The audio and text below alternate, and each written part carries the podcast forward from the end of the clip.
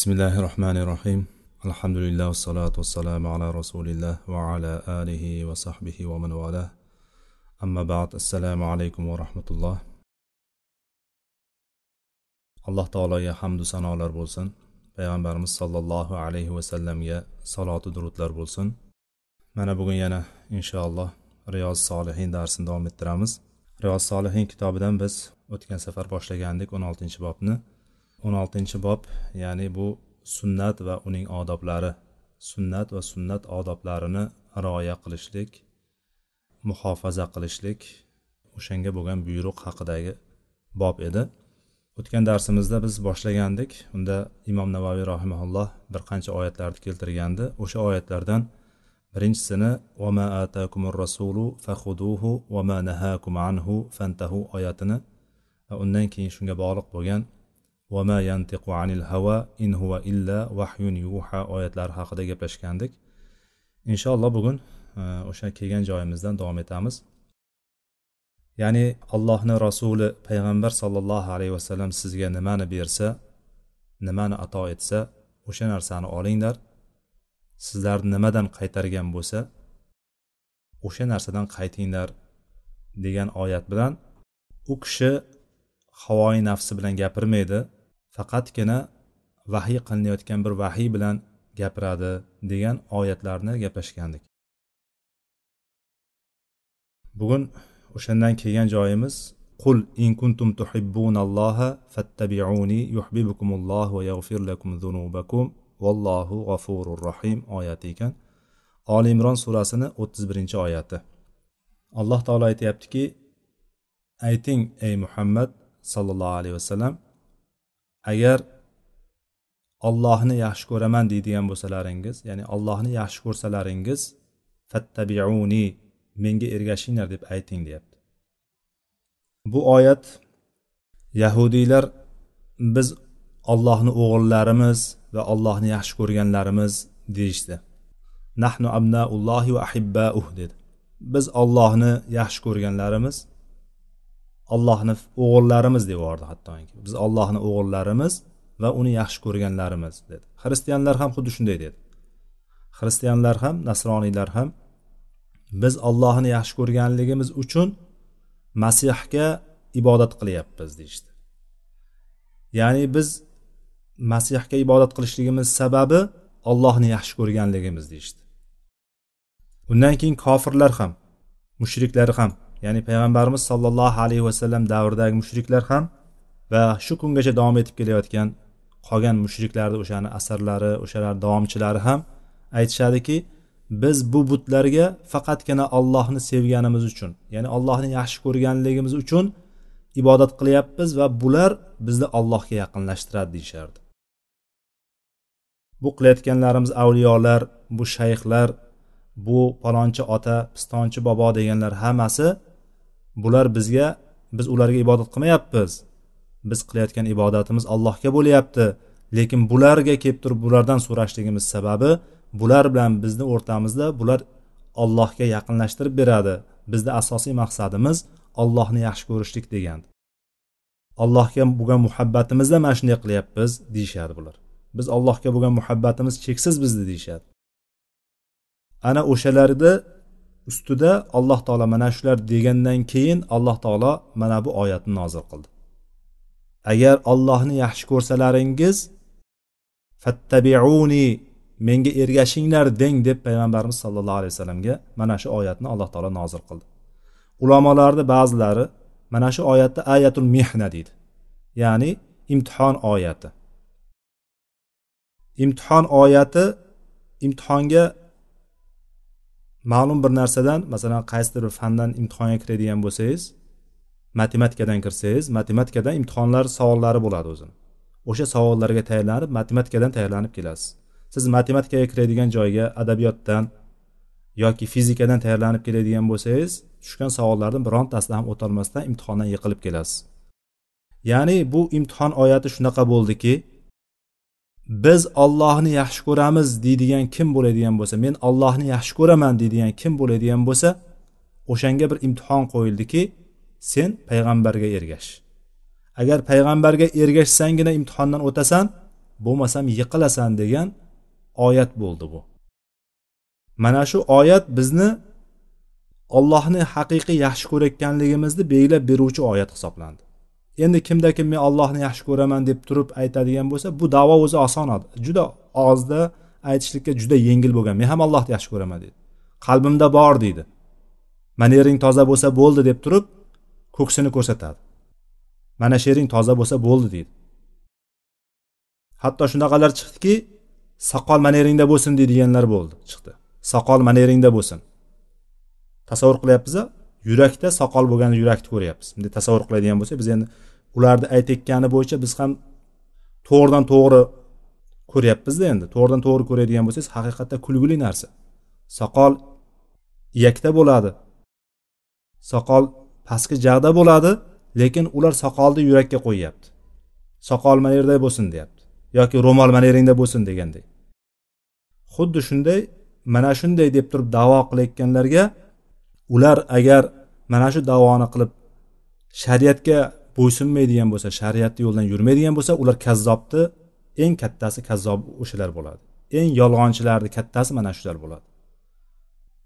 Ular biz ollohni yaxshi ko'ramiz deb turib aytib turib men ham allohga muhabbatim bor men ham allohni yaxshi ko'raman deb turib har xil bahonalarni ko'rsatib turib mana bu yerda mana u ro'molda yurgani bunday qilib yuribdi yoki namoz o'qib yurgani bunday qilib yuribdi undan ko'ra manering toza bo'lsin manering bo'lsin deb turib ko'ksiga ko'rsatayotganlarni yolg'onchini eng kattalari ekanligini mana shu oyat bizga ko'rsatib beradiki bu oyatda aytyaptiki ollohni yaxshi ko'raman desalaring menga ergashinglar deyapti payg'ambar sallallohu alayhi vasallam.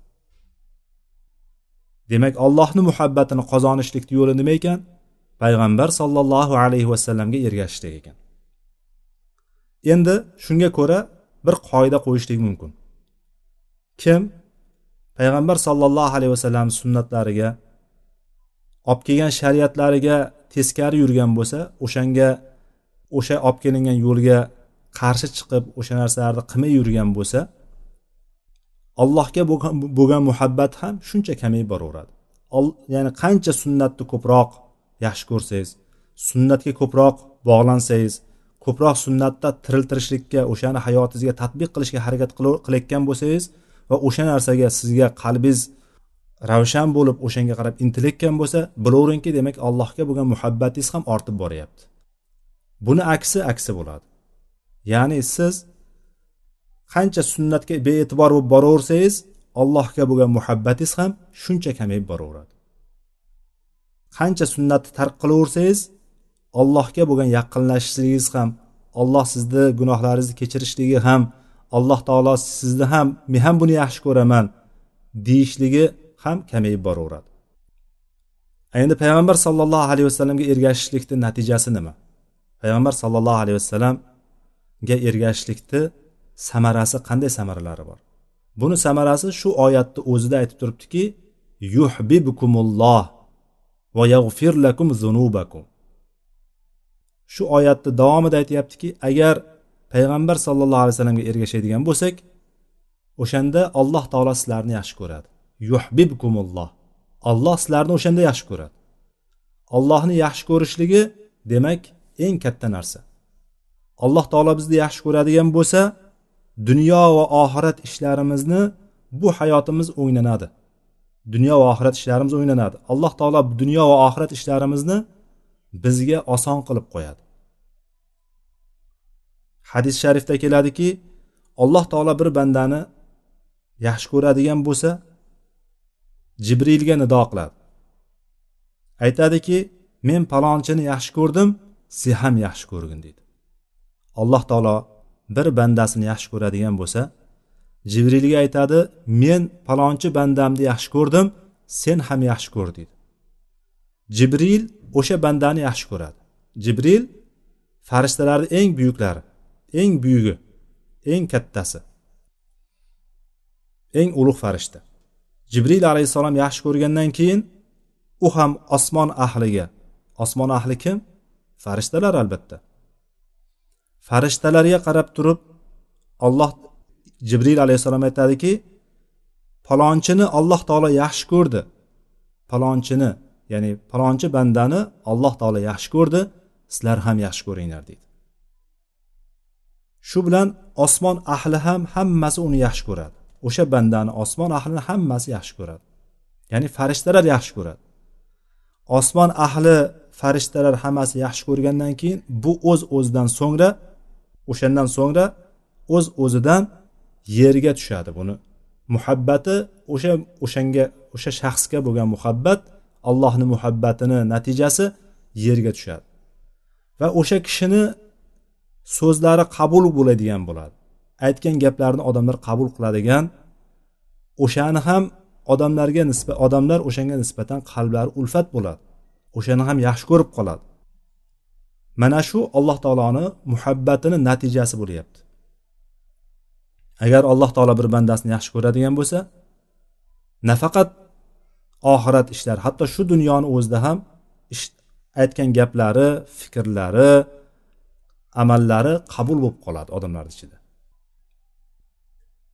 Bandalar qancha biz har qancha aytaversak biz allohni yaxshi ko'raman men ham yaxshi ko'raman deb hammamiz biz muhabbatimizni allohga bo'lgan yaxshi ko'rishligimizni biz har qancha katta so'zlar bilan dabdabali so'zlar bilan ohang ohangaron qilib turib baland so'zlar bilan so'zlasak ham lekin alloh taolo bir marta men alloh bandamni yaxshi ko'raman demaydigan bo'lsa bizni aytganlarimiz hammasi havoga ketadi. Hammasi puch. Shuning uchun hamma narsani natijasi alloh taoloni yaxshi ko'rishligi alloh taolo bizni o'zini yaxshi ko'rgan bandalardan qilsin. Ya'ni bu yerdagi demak asosiy narsa allohni muhabbatiga erishishlikni asosiy o'lchovi mezoni payg'ambar sallallohu alayhi vasallamga ergashishlik ekan. Ana undan keyin orqasidan aytilyaptiki va yag'fir lakum. Alloh taolo yaxshi ko'radigan bo'lsa demak bizni mag'firat qiladi gunohlarimizni kechirib yuboradi. Chunki alloh taolo g'ofur bo'lgan gunohlarni ko'p kechiruvchi bo'lgan ya'ni kechirishlikni juda yaxshi ko'rgan g'ofur bo'lgan va rohim bo'lgan bandalariga mehribon bo'lgan zotdir. Mana shu oyat nozil bo'lganda munofiqlarni kattalaridan bo'lgan abdulloh ibn ubay shunaqa gapni gapirdiki ya'ni bilamiz o'zi munofiqlarni kattasi edi bu. Payg'ambarimiz sollallohu alayhi vasallam davrida munofiqlarni kattasi edi. O'sha aytdiki muhammad o'ziga itoat va ibodat qilishlikni alloh taologa itoat ibodat qilishlikni o'rniga qo'yyapti deydi. Ya'ni o'ziga ergash o'ziga itoat qilishlikni alloh taoloni itoati bilan barobar qilyapti bu. Xuddi xristianlar nasroniylar isoni yaxshi ko'rganlari kabi biz ham uni yaxshi ko'rishligimizni xohlayapti dedi. Boyagi abdulloh ibn ubay mana shu gaplarni gapirdi. Shunda alloh taolo bir oyat nozil qildi.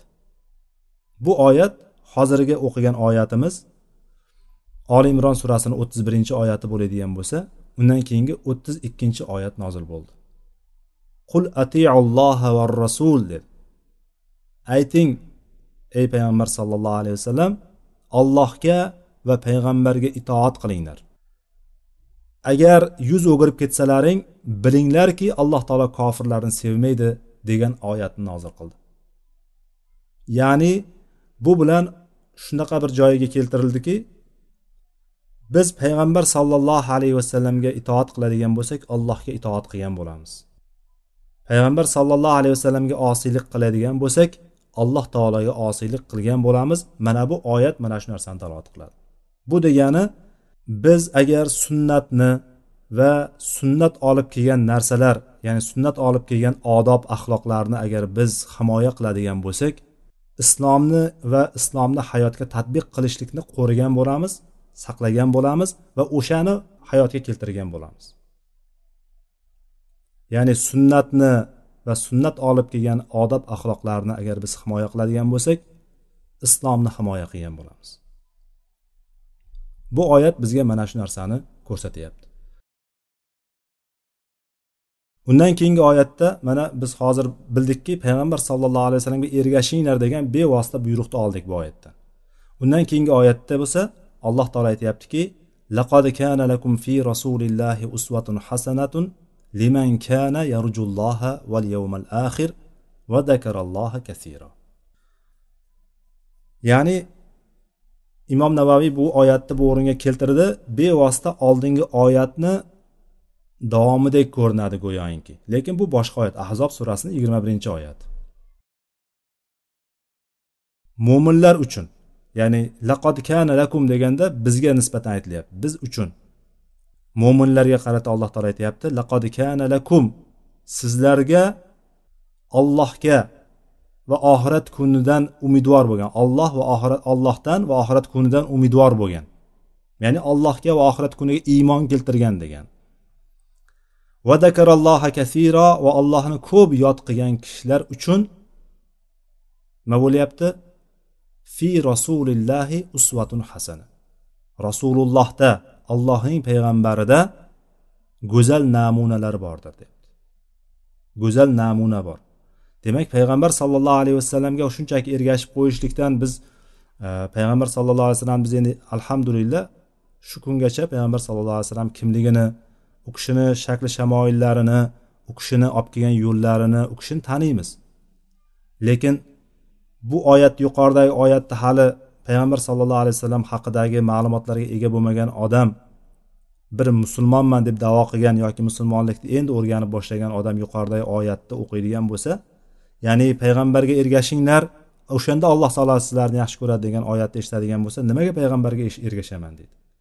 Bunga bu oyat javob beryaptiki chunki payg'ambarda go'zal namunalar bor. Payg'ambarda go'zal o'rnak bor. Hamma sohada hamma sohada bizga go'zal o'rnak bor. Ya'ni payg'ambar sollallohu alayhi vasallamni hayotiga bunday qaraydigan bo'lsak hamma hayot tarzlari mana shu payg'ambarlikdan oldingisini mayli qo'yib turaylik. Payg'ambarlik kelgandan keyin qirq yoshlarida payg'ambarlik kelgandan keyin buyog'iga yigirma uch yil davomida risolatni yetkazdi. Alloh taolo alloh taolo tarafidan tushirilgan shariatni bizga birma bir yetkazdi. O'sha davr orasida payg'ambar sallallohu alayhi vasallamni hayoti bir kishini umrida bo'lib o'tadigan hayotiga uchun hamma sohada o'rnak bo'ldi.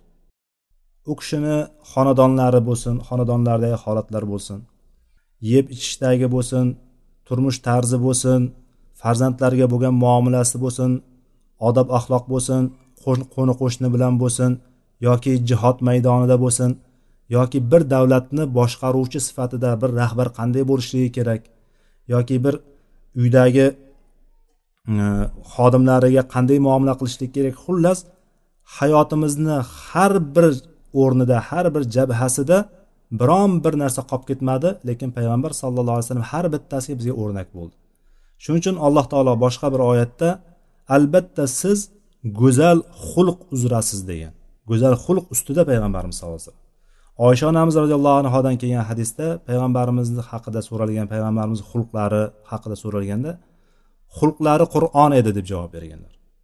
Ya'ni payg'ambarimiz sollallohu alayhi vasallam qur'onda alloh taolo nimani maqsad qilgan bo'lsa nimani ko'zlagan bo'lsa o'sha narsani bizga boricha butunicha tirik namuna bo'lib berdilar. Demak mana shu namunalar bizga olishligimiz kerak ekan lekin buni hamma ham olaveradimi hamma ham buni qo'ldan keladimi o'sha o'rnaklarni olishlikka? Yo'q. Hamma ham ololmaydi. Birinchi o'rinda allohga iymoni bo'lishlik kerak. Allohdan umidvor bo'lishligi kerak.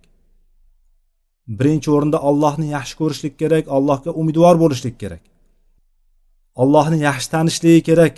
Payg'ambar sallallohu alayhi vasallamdan namuna olaman degan kishi. O'rnak olaman degan kishi demak allohni yaxshi tanimaydigan bo'lsa ololmaydi. Undan keyin oxirat kunidan umidvor bo'lishligi kerak. Demak olloh iymoni mukammal bo'lishligi kerak. Va uchinchi sifat ham qo'shilyaptiki ollohni ko'p yod qilishlik kerak. Mana shunday kishilar uchun bizdan mo'minlarni ichida hamma ham payg'ambar sallallohu alayhi vasallamdan go'zal o'rnak olavermaydi ekan. O'sha go'zal o'rnaklarni olishligi uchun mana shu uchta sifat unda jamlanishligi kerak ekan. Allohga va oxirat kuniga bo'lgan umidvorligi va uchinchisi allohni ko'p yod qilgan kishilar. Ya'ni doimiy suratda alloh taoloni muroqabasini biz oldingi darslarda muroqaba bobida ham o'tgandiki alloh taoloni doimiy kuzatib turgan ekanligini bilishlik. Alloh taoloni ko'p yod qilish zakarallohi kasironi agar biz o'zbek tiliga ko'p ollohni ko'p zikr qiladigan deb tarjima qiladigan bo'lsak xato bo'lib qoladi. Allohni ko'p zikr qiladigan deydigan bo'lsak xato bo'lib qoladi. Chunki zikr deganda bizni xalqimiz asosan o'tirib olib turib tasbeh o'girishni tushunadi. Yo bo'lmasam so'filarda holatiga o'xshab turib hu hu deydigan bir holatni yoki olloh olloh olloh deydigan ya'ni sunnatda va qur'onda umuman asli bo'lmagan zikr turlari xayolga keladigan bo'lib qoladi. Unaqa emas. Allohni ko'p zikr qilishlikni biz shuning uchun tarjima qilyapmizki allohni ko'p yod qilgan ya'ni doimiy suratda allohni eslab turgan odam. Ya'ni bir ishni qilayotgan paytda olloh mana shunda nima degan menga? Mana shu ishni qilsam alloh taolo rozi bo'ladimi deydigan. Bir gunoh ishga ko'zi tushib qoldi. Bir gunoh ishni ko'rdi yoki bir nomahramga ko'zi tushdi. O'sha paytda alloh taolo nima deydi bunisi? Mana shu ikkinchi marta qaraydigan bo'lsam yoki o'shanga suqlanib qaraydigan termilib qaraydigan bo'lsam bu narsani alloh taolo ko'rib turibdiki deydigan alloh taoloni eslab turishligi bo'ladi. O'sha odam ollohni doimiy eslab yurgan kishi bo'ladi. Bir ishni qilayotgan paytda bir birodariga yordam berayotgan paytda alloh taolo menga buni ziyodasi bilan beradi. Alloh taolo mana shuni roziligini olaman alloh taoloni. Deydigan olloh kim bir birodarini yordamida bo'ladigan bo'lsa alloh taolo unga yordamini berib qo'yadi. Ha? Yoki kim bir kishini birodarini yukini yengil qiladigan bo'lsa tashvishini artadigan bo'lsa alloh taolo qiyomat kuni uni yukini artadi. Yo bo'lmasam E, o'shani g'amini ketkazadi yoki kim birodarini bir aybini to'sadigan bo'lsa butun haloyiqlarni hammasi yig'ilib turgan ertaga qiyomat maydoniga yig'ilgan paytimizda alloh taolo meni gunohlarimni satr qiladi to'sadi degan e'tiqodlar mana shu narsa qayerdan kelyapti? Hammasi allohni ko'p yod qilishlikdan kelyapti. Mo'minlarni sifati nima edi? Ular tik turgan paytlarida ham qiyom holatlarida ham ya'ni qiyom deganda ko'pincha namoz tushuniladi e, namozda tik turgan holat tushuniladi. Yo bo'lmasam mutloq inson tikka turgan holatida ham ya'ni yurgan holatida ham o'tirgan holatida ham yonboshlagan holatida ham allohni zikr qiluvchilar deb keladi. Bu degani allohni har doim yodida saqlab yuradi. O'g'rincha qarashlar qilib qo'yiladi qiladigan bo'lsa o'g'rincha qarashni ham yalamu xoinatal ayun degan oyat esiga tushunadi. Ya'ni ko'zlarni xoinkorona ya'ni shu o'g'rincha qarashini ham alloh taolo biladi deydigan oyat esiga tushadida o'sha qora achkinta qolib turib qaray nomahramlarga qarashlikni o'sha ya'ni ko'rmaydi uni ko'zi qayoqqa qarab turganligini qora achki bo'ladigan bo'lsa shunday qarashligini. Yoki ayollar yuziga hattoki ko'zini ham to'sadigan pardalar bilan erkaklarga qarashligi. Buni hech kim ko'rmaydi orqasidan kim nima qarayotganligini. Mana bu narsalarni o'sha ko'rishligini ham alloh taolo ko'rib turganligini bilib turishligi bu ollohni doim yod qilishligi bo'ladi. Demak allohni ko'p yod qilishlik uchinchi sifat ekan. Mana shular hammasi insonda topiladigan bo'lsa allohning payg'ambari sollallohu alayhi vasallamda go'zal namunalarni oladi ekan. Ana o'shanday kishilar payg'ambarimiz sunnatlarini ola oladigan payg'ambarimiz olib kelgan yo'lga qalbi ochiq holatda kira oladigan bo'ladi ekan. Mo'minlarni birdan bir eng mukammal o'rnagi payg'ambarimiz sallallohu alayhi vasallam. Mo'minlarni ideali mukammal o'rnak namuna oladiganimiz va bizni birdan bir rahbarimiz payg'ambar sollallohu alayhi vasallamdir. Mana shu oyat nimaga dalil bo'ladi? Payg'ambarimiz sollallohu alayhi vasallamni qilgan amallari fe'llari qilgan amallari hujjat bo'lishligiga. Ya'ni payg'ambarimiz sallallohu alayhi vasallam bir amalni qilgan bo'lsa o'sha amalni qilib mana payg'ambarimiz qilgan deb turib hujjat olishligimizga va o'sha amalga ergashishligimizga dalil bo'ladi mana shu. Shuning uchun o'tgan darsimizda ham aytgandikki shariatimizda dalil oladigan joy birinchi qur'on. Undan keyin sunnat turadi. Payg'ambarimiz sollallohu alayhi vasallamni olib kelgan yo'llari qilgan ishlari aytgan gaplari xulq atvorlari yonida bir amal qilingan bo'lsa o'shanga sukut saqlaganliklari indamaganliklari iqroriy sunnat bo'lib turib o'sha sunnatlar hujjat hisoblanadi. Demak bir payg'ambarimiz sallallohu alayhi vasallamni qaysi amali bo'ladigan bo'lsa ham ergashishlikka loyiq bo'lgan hujjat hisoblanadi. Illo bitta illomiz bor. Illo deganimiz magaram payg'ambarimiz sollallohu alayhi vasallamga xos bo'lgan narsalar bo'lsa bundan mustasno. Payg'ambarimizga xos bo'lgan narsalar kelgan bo'lsa bu mustasno. Bularga nimalarni misol qilishligimiz mumkin? Oyatda bir oyatda ya ayyuhan nabiyyu inna ahlalna laka azvajaka allati atayta ujurahunna deb boshlangan oyatda ahzob surasida ey payg'ambar biz sizga mahrlarni bergan juftlarni olishligingizni halol qildik deb boshlangan oyatda o'shanda bir joyi bor o'sha oyatda وامرأة مؤمنة إن وهبت نفسها للنبي إن أراد النبي أن يستنكحها خالصة لك من دون المؤمنين oyati bor bir ayol kishi bir mo'mina ayol o'zini payg'ambar sollallohu alayhi vasallamga hadya qiladigan bo'lsa bag'ishlaydigan bo'lsa kelib turib yo rasululloh men sizga o'zimni bag'ishladim deydi. Shu narsa payg'ambarimizga ruxsat berilgandi. Kelib turib bir ayol kishi mo'mina ayol kelib turib yo rasululloh meni oling nikohingizga oling men sizga bag'ishladim deydigan bo'lsa payg'ambar sollallohu alayhi vasallam uni nikohlab olishni xohlaydigan bo'lsa mana bu narsa joiz edi u kishiga ruxsat bor edi. Ya'ni mahr bermasdan boshqa qilmasdan shu o'sha kishi ayol kelib turib o'zini ko'ndalang qiladi kelib turib o'zini payg'ambarimizga tavsiya qiladi payg'ambarimiz uni ko'rib yoqtiradigan bo'lsa shunday olardi shu bilan ish bitdi deydi mana shu narsani oyatni orqasidan aytyaptiki xolisotallaka min dunil mu'minin. Bu narsa mo'minlarga emas faqat sizgagina xolisdir sizgagina xosdir deyapti. Sizgagina maxsus bo'lgan ishdir deyapti alloh taolo. Mana shu narsani buni hasoisun nabiy deydi payg'ambar sollallohu alayhi vasallamga xos bo'lgan narsalar. Hatto bunga taalluqli bo'lgan kitoblar ham yozilgan.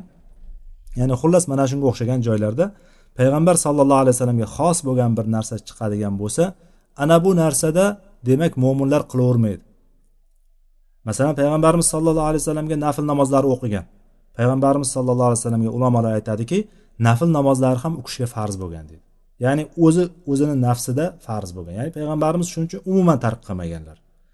Hatto agar o'sha narsani tark qilgan bo'lsa qazosini albatta o'qiganlar. Bir safar o'sha uyda turgan bir g'animatlardan alloh alam g'animatlardan o'sha bir e, taqsimot qilinadigan narsa bo'ladi. O'shani taqsimoti bilan ovora bo'lib turib peshinni peshindan keyin o'qilinadigan ikki rakat namozlarini ya'ni hozir biz sunnat rotiba qilib o'qiydiganimiz ikki rakat namozni ya'ni o'sha narsani esdan chiqaradilar. Esdan chiqaradilar yoki bilib turib bun bilan ovora bo'lganligi uchun qolib ketadilar. O'sha ikki rakat namoz qolib ketadi. Shundan keyin asr namozidan keyin o'qiydi. Biz bilamiz asr namozidan keyin nafl namoz o'qishi mumkinmi? Yo'q. Chunki payg'ambarimiz sollallohu alayhi vasallam asrdan keyin quyosh botgungacha namoz yo'qdir deganlar. Sahih hadisda e, o'sha joyini keltiryapman. Undan oldingisi bomdod namozidan keyingisi ham bor. Bu yerda asr namozidan keyin quyosh botgungacha namoz yo'qdir deganlar. Lekin payg'ambarimiz o'zlari o'qiganlar. Shunda onalarimizdan biri yo rasululloh bu qaysi namozdir? deb so'raganda shu peshindan keyingi ikki rakat namozimni o'qimagandim dedilar biz ham qilaylikmi? deganda yo'q dedilar payg'ambarimiz. Biz ham qilaylikmi?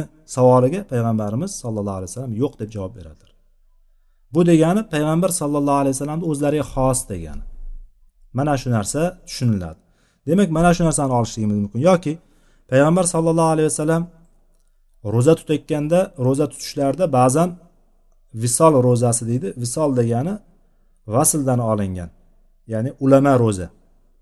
Ulama ro'za yoki o'tkarma deymizmi qanday ta'rif beramiz o'zbekchaga? Xullas iftor qilmasdan ro'zani davom ettirishlik. Bugun ro'za tutdingiz.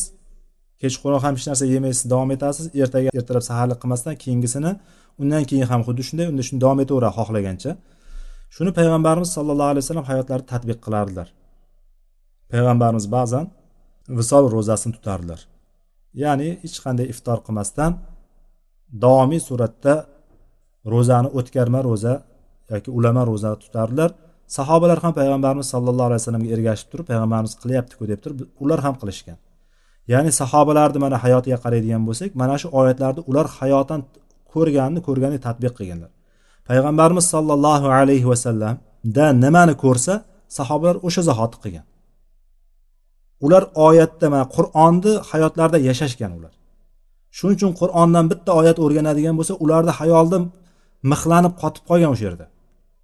Biz hozir qur'ondan bir oyat yodlaymiz sura yodlaymiz lekin ozgina takrorda bir qochiradigan bo'lsak ozgina takror qilmaydigan bo'lsak butunlay hayolimizdan chiqib ketib qoladi. Xuddi keyin bir oy yoki bir yildan keyin ko'rsak xuddi yangi yangi sura ko'rayotganimizda yana qiynalib qaytadan yodlashimiz kerak bo'ladi.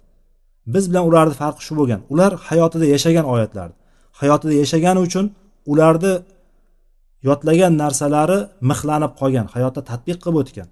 Va ularni bizdan boshqa bir farqi ular har bitta oyatni o'nta o'nta oyatdan o'qigan bo'lsa o'sha oyatlarni o'rganib ma'nosini ular zotan bilardilar ma'nosini. Yana tushunmagan joylarini payg'ambarimiz sallallohu alayhi vasallam so'rardilar. Bu oyat nima haqida nozil bo'lgan? Hozir to'rtta arabchani biladigan odam arabchadan ozgina xabari bo'lgan odam ham qur'on oyatlari haqida hadislar haqida katta katta gapirib yuboraveradi. Bilgan bilmagan holatda gapirib yuboraveradi.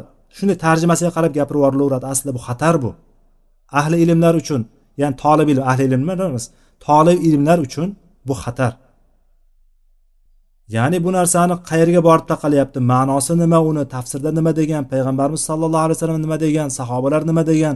Bu narsani bilishimiz kerakki sahobalar arab bo'lib turib o'sha paytda arab tili balog'ati eng yuqori cho'qqiga chiqqan payti. Odamlar she'rni ham o'tirgan joyida hech biri bilan gaplashib o'tirganda ham she'r to'qib yuboradigan darajada balog'at shunaqa kuchli bo'lgan paytda ularni tilida o'sha paytda gaplashib turgan tilida qur'on nozil bo'lib turganda ular qur'ondagi oyatlarni payg'ambarimizdan o'rganganlar. Ma'nolarini payg'ambarimizdan o'rganganlar. Ya'ni o'zlaricha o'zlaricha yoqdan bu yoqqa olib ketavermaganlar. Hozirgi kundagi arablar endi ancha fasih arab tilidan ya'ni adabiy arab tilidan ancha uzoqda. Adabiy arab tiliga yaqin bo'lgan arablar kam. O'shanda ham kam deganimiz o'sha yaqin bo'lganda ham ancha uzoq. Payg'ambarimiz sollallohu alayhi vasallam olib kelgan paytdagi til o'sha paytda gaplashilgan til hozirgi kunda yo'q desak ham bo'laveradi. Lekin ular tushunadimi? Hozirgi arablar tushunadimi? Tushunadi. Maktab ko'rgani tushunadi. Maktab ko'rmagani tushunmaydi. Ya'ni maktab ko'rgani deganimiz yuqori sinflar litsey litseyni yoshidagi ya'ni o'ninchi o'n birinchi sinflarni tugatganlargina o'sha biroz fasih arab tilini adabiy arab tilini o'qiydilar. O'shalargina tushunadi. Ovom xalq bo'ladigan bo'lsa hamma tushunadigan umumiy narsalarni tushunadi lekin nozik taraflarini tushunmaydi. Xullas o'shalarga ham payg'ambarimiz sallallohu alayhi vasallam sahobalarga sahobalarga o'rgatib berardi. O'shani o'rgatardilar har bitta oyat ular ham shu o'nta oyatni o'rganmaguncha u nima haqda tushgan uni ichida nimalar bor qanday hukmlar bor? Mana shularni o'rganardi hayotiga tadbiq qilardi. Ana undan keyin keyingi o'n oyatga o'tardi. Ana shuning uchun ularda yodlangan narsa eshitgan narsa qur'ondan nozil bo'lgan narsa ularni qalblariga muhrlanib qolardi. Va o'sha narsani hayotlariga shu zahoti tadbiq qilardi chunki ular ular ma'nosini juda yaxshi tushunib yetganlar. Va sahobalarni ergashishligini hozir aytmoqchi bo'lganim ro'zada payg'ambarimizni ulama ro'za tutayotganligini ko'rib turib sahobalar ham tutishdi. Lekin payg'ambar sallallohu alayhi vasallam ularni man qildi. Qilmanglar bunday tutmanglar dedi. Shunda sahobalar yo rasululloh siz tutyapsizku. Qanday endi bizni qaytaryapsiz? Nimaga qaytaryapsiz bizni? deyishdi. Ularni berayotgan raddiyalari ham javoblari ham to'g'ri edi aslida. Chunki siz qilyapsiz nimaga biz qilolmaymiz? Siz qilganingiz biz uchun o'rnak emasmi namuna emasmi sizni har bir qilgan yo'lingiz biz uchun oyna emasmi biz qilmaymizmi shu narsani? Dastur emasmi deyishdi. Shunda payg'ambarimiz sallallohu alayhi vasallam javoblari men sizlarga o'xshamayman dedilar. Sizlarni holatlaringdaqa emasman meni holatim unaqa emas. Men yedirilib ichirilib turaman dedilar. Ya'ni alloh taolo meni yedirib ichirib turadi dedilar. U ma'naviy jihatdan. Ya'ni payg'ambarimiz sallallohu alayhi vasallam yashirinib hech kim ko'rmagan joyda yeb oldi degani emas bu narsa. Bu narsani to'g'ri tushunishlik kerak. Ya'ni alloh taolo meni yedirib ichirib turadi degani alloh taolo menga o'sha yeb ichadigan quvvatni berib turadi degani. Boshqa bir hadisda boshqa bir lafzida buxoriyda lafzida keladiki payg'ambar aytdilarki men ollohning huzurida robbimning huzurida robbimning yonida kechani o'tkazaman. Alloh taolo meni yediradi va ichiradi degan.